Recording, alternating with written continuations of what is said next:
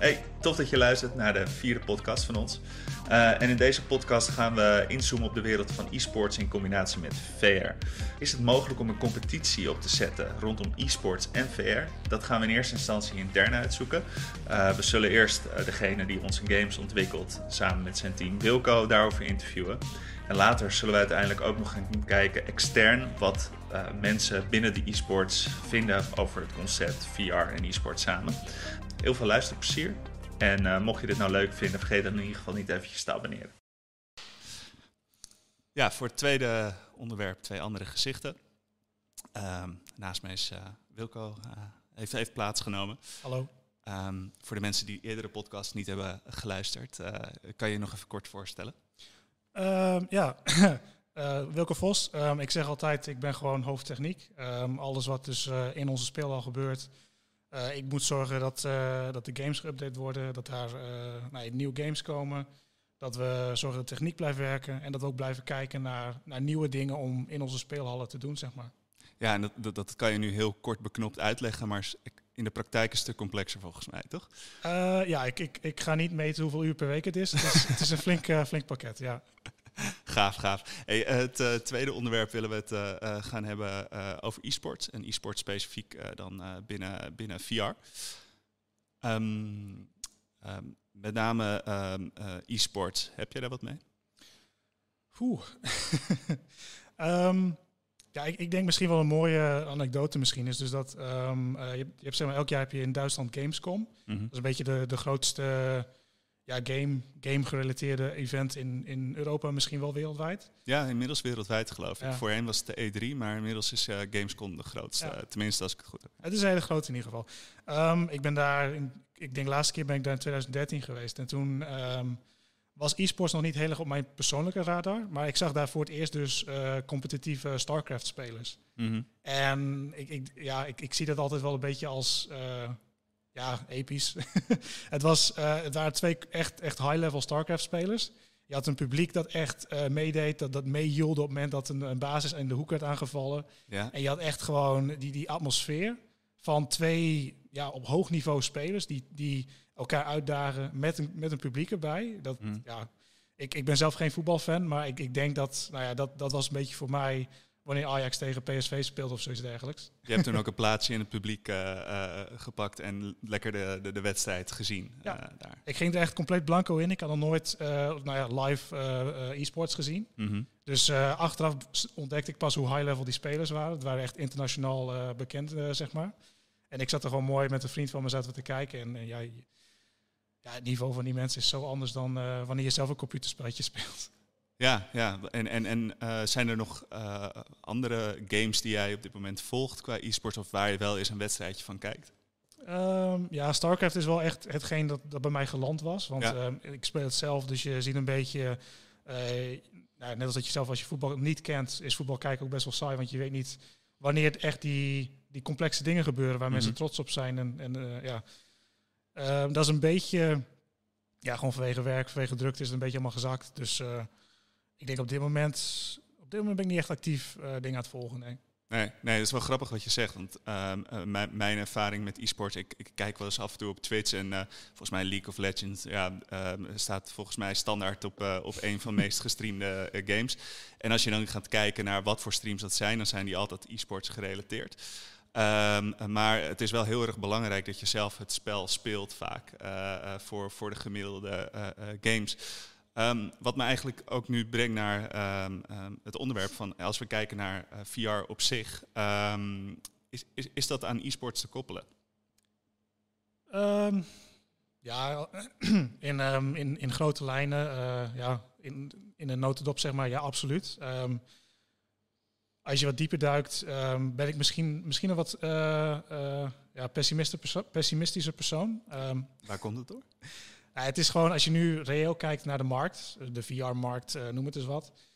Um, ik denk dat de Oculus Quest, of de Meta Quest inmiddels, ik denk dat die, voor mij zei Mark Zuckerberg laatst dat hij iets van een paar miljoen, of gelijk aan een PlayStation 4 aan het verkopen was, zoiets. Dat, dat soort salesnummers. Mm -hmm. dus het, het begint nu een beetje te komen dat, nou ja, wat, wat je net misschien ook al zei, is dat Um, je moet zelf dingen kennen om, om de, de top level te kunnen waarderen. Ja. En VR, um, ja, laat ik, laat ik twee jaar terugkijken. VR was absoluut niet in de mainstream. Het, het Mhm. begint nu hopelijk een beetje te komen. Dat mensen dus leuk eh, thuis ontdekken wat VR kan zijn. Maar ehm, om, om zeg maar eh, sponsors te krijgen, om, om competitief, om competitie uit te dagen, op te bouwen. Ja.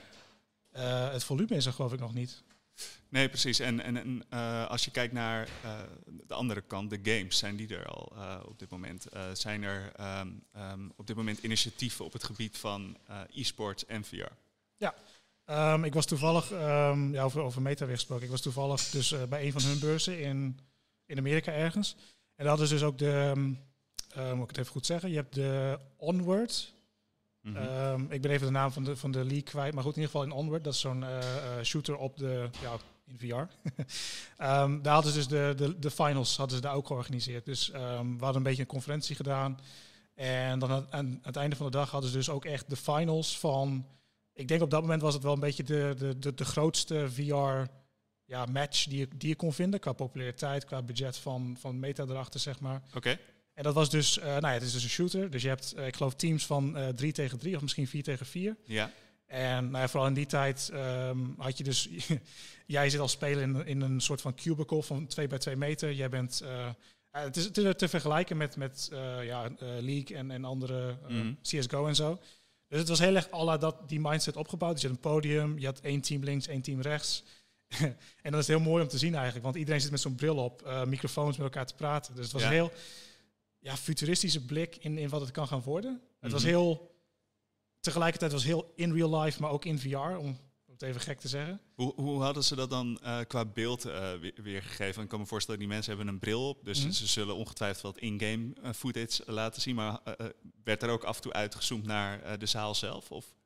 Ja, ze hadden dus, ehm, ik weet niet of de Onward dat speciaal voor dat event had gedaan of dat er nu gewoon standaard in zit. Maar ze hebben Mhm. gewoon ook ja, ervoor gezorgd dat je gewoon goed als spectator mee kan kijken. Dus ze hadden een soort van vrije camera waar je dus, ehm, er waren twee commentators, die waren gewoon lekker daarmee aan het spelen. Ja? En die, die zoomen dan in op een actie. Bijvoorbeeld eh Onward is eigenlijk gewoon heel erg eh, shooter, Counter-Strike-achtig.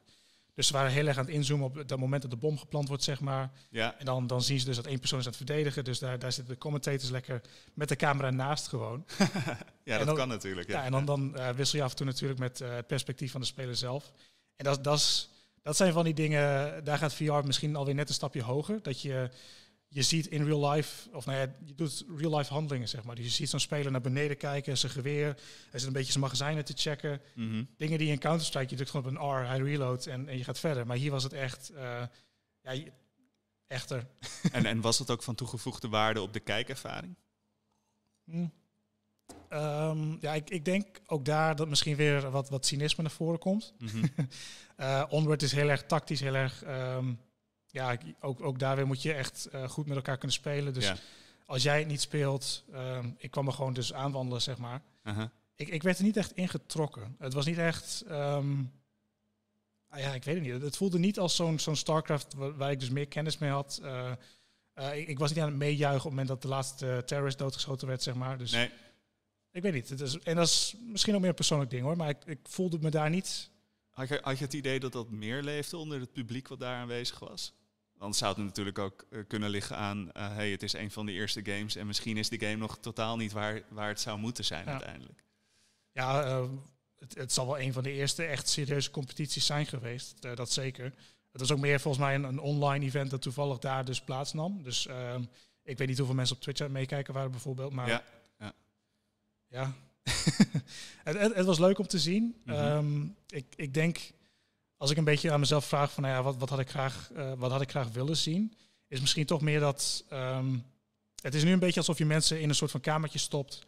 En, en dat doen ze dan voor je op een podium. ja, Wat je natuurlijk ook wel hebt met, met eh nou ja, League en, en CSGO. Da- daar zie je ook gewoon vijf gamers per team eh, achter schermen zitten. ja, ja, ja. Maar nu voelt het wel heel erg alsof je ja, met, met oogkleppen op aan het eh, eh, spelen bent, zeg maar. En je mist een beetje eh, dat, dat, dat elkaar aankijken op het moment dat een team gewonnen heeft. Ja. Ik weet niet, het is, het is lastig te zeggen, maar Nee, ik, ik, ik, ik, begrijp hoor. Als, als het, eh, eh, het moet natuurlijk, het totale plaatje moet goed overkomen. Zowel voor de speler als voor de, voor de kijker uh, naar e-sports. Anders heeft het natuurlijk geen bestaansrecht als er geen uh, nou ja, kijkers zijn, lijkt mij.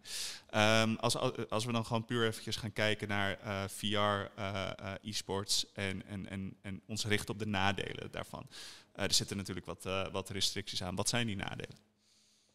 Um, Ja, ik denk, denk, het grootste nadeel waar ik ook wel misschien mee begon was, dus dat um, voor een competitie wil je gewoon, je, jij wil heel veel mensen hebben die naar qualifiers gaan, mensen die kijken, mensen die interesse hebben. Mm -hmm. En ja, dat nogmaals, die, die, die markt is er, begint misschien te komen, maar uh, je hebt zeg maar een markt van zoveel aantal uh, VR-brillen, zeg maar. Ja. Waarvan dan weer een klein deel uh, jouw spel gaat kopen. En ja. waarvan daarvan weer een klein deel de competitie gaat opzoeken. Dus en, en is het niet mogelijk om een game te ontwikkelen die voor al die brillen uh, compatible is? Uh, ja, uh, met bril bedoel ik zeg maar meer gewoon iedereen die nu VR speelt. Ja. Als je dat gewoon als, als, als de, ja, de, de potentiële uh, sporters pakt, zeg maar.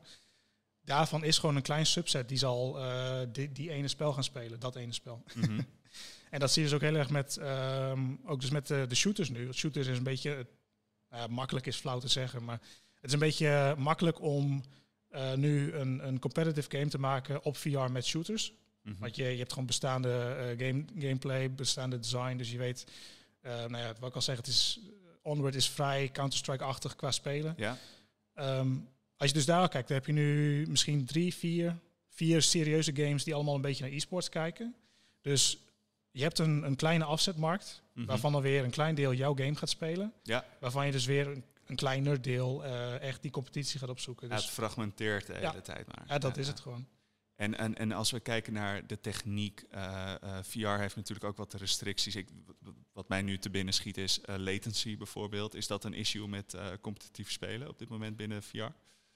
Um, ja, het, hetzelfde als in een, een Battlefield of een CSGO weer. Het is um, wat, wat, ik ga, um, of ik, ik zit zelf altijd met een beetje met een mindset van uh, op het moment dat iedereen dezelfde latency heeft, mm. is het gewoon, um, nou ja, in, in Formule 1, de auto's gaan, nou ja, misschien een slecht voorbeeld, maar ze gaan allemaal net zo snel. Dus uh, driver skill en, en in die games dus uh, player skill is, is wat je apart gaat zetten. Zolang je allemaal gewoon lekker met dezelfde hardware speelt.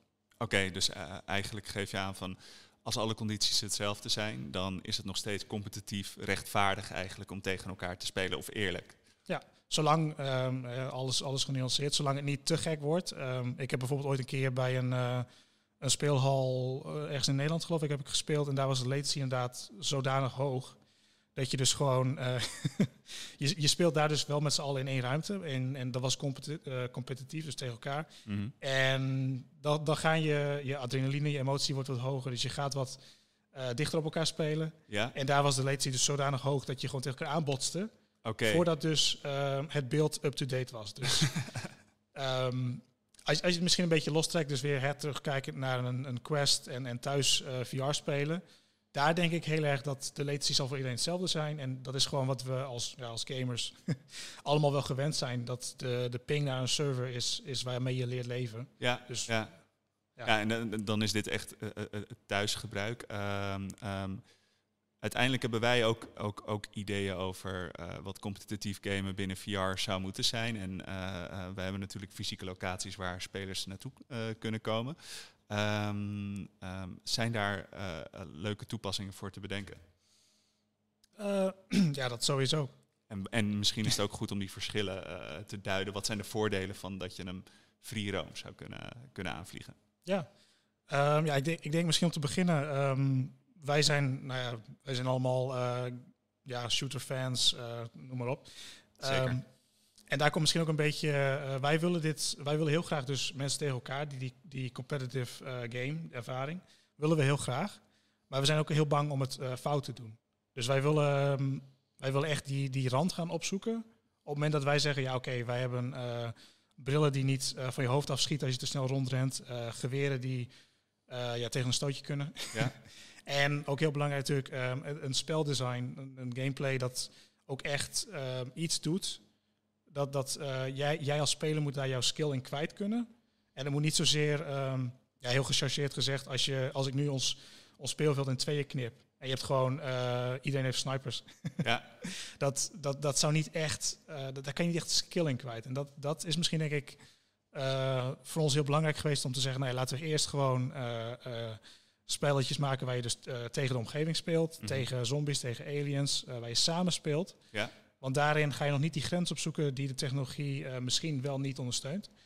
En dus ook onze gameplay die het misschien nog niet ondersteunt. Mm -hmm. En dan daarvan leren en dus um, dat dan op elkaar pakken om dan TZT dus een echt goede ervaring te maken waarbij je dus die skill kwijt kan. Waar jij, bij wijze van spreken, je gaat maandag, dinsdag trainen, misschien maandag, woensdag, noem het eens wat. En jij gaat zien dat je beter wordt. Je gaat zien dat uh, het, het pieken, om het een beetje weer in shooters te houden.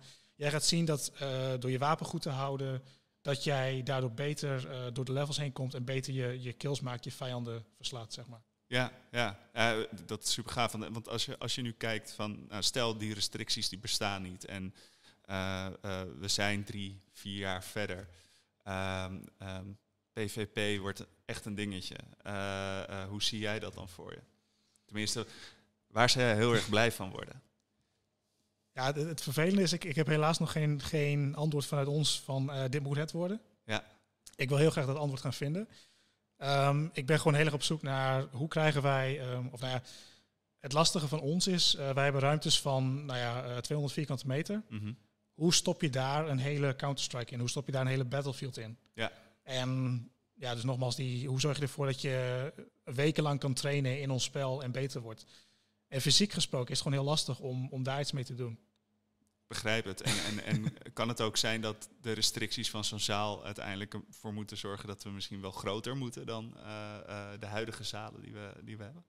Ja, dan kom je misschien uh, naast logistiek ook een beetje in het, het financiële probleem. We mogen nu wegdromen namelijk. Ja. hè? Dus, dus, Ja. dus het is over een paar jaar. En, en, en laten we ervan uitgaan, hier binnen Amsterdam zijn er twintig teams die hier naartoe komen om tegen elkaar in VR een competitief spel te spelen.